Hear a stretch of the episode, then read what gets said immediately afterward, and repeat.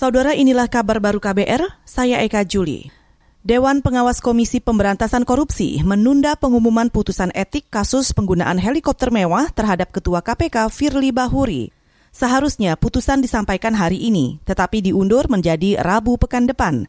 Dikutip dari antaranews.com, pelaksana tugas juru bicara KPK Ali Fikri mengatakan penundaan dilakukan karena lembaganya tengah fokus penanganan dan pengendalian COVID-19, khususnya di lingkungan Dewan Pengawas. Menurutnya, dari hasil pelacakan internal, ditemukan indikasi interaksi antara pegawai positif COVID dengan anggota Dewan Pengawas itu. Itu sebab hari ini akan digelar tes usap terhadap sejumlah pihak terkait. Pemerintah mengklaim sudah menerjunkan lebih dari 16 relawan tenaga kesehatan untuk penanganan COVID-19 di rumah sakit dan laboratorium seluruh Indonesia. Menteri Kesehatan Terawan Agus Putranto mengatakan masih ada 3.500 dokter magang, 800 tenaga kesehatan, dan 600-an relawan yang siap ditugaskan sebagai tenaga tambahan. Termasuk di dalamnya ada dokter spesialis paru, penyakit dalam, anestesi, dokter umum, dan perawat.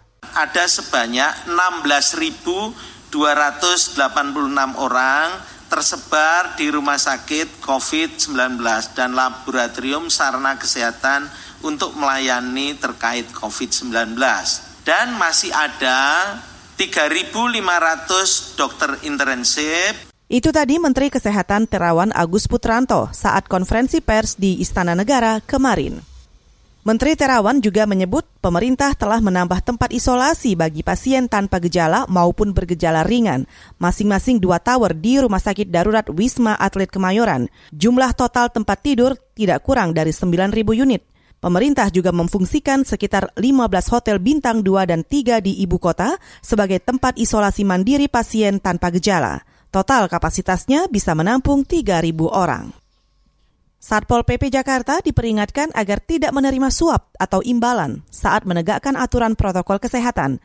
Gubernur DKI Jakarta Anies Baswedan meminta mereka menolak suap dari tempat-tempat usaha yang terbukti melanggar protokol. Penegakan aturan protokol melalui operasi justisi dimulai kemarin oleh Satpol PP dibantu TNI Polri. Punya kemampuan ekonomi, melakukan pelanggaran, petugas Satpol datang, lalu ditawari. Habis sekalian, saya akan berikan imbalan, tolong jangan ditutup. Ujian ini harus Bapak Ibu hadapi dengan ketegaran. Dan katakan, saya petugas negara dan saya tidak menjual kewenangan saya pada rupiah sebesar apa pun. Gubernur DKI Jakarta Anies Baswedan juga berpesan agar Satpol PP sabar dan tetap menghormati warga ketika melakukan penegakan aturan.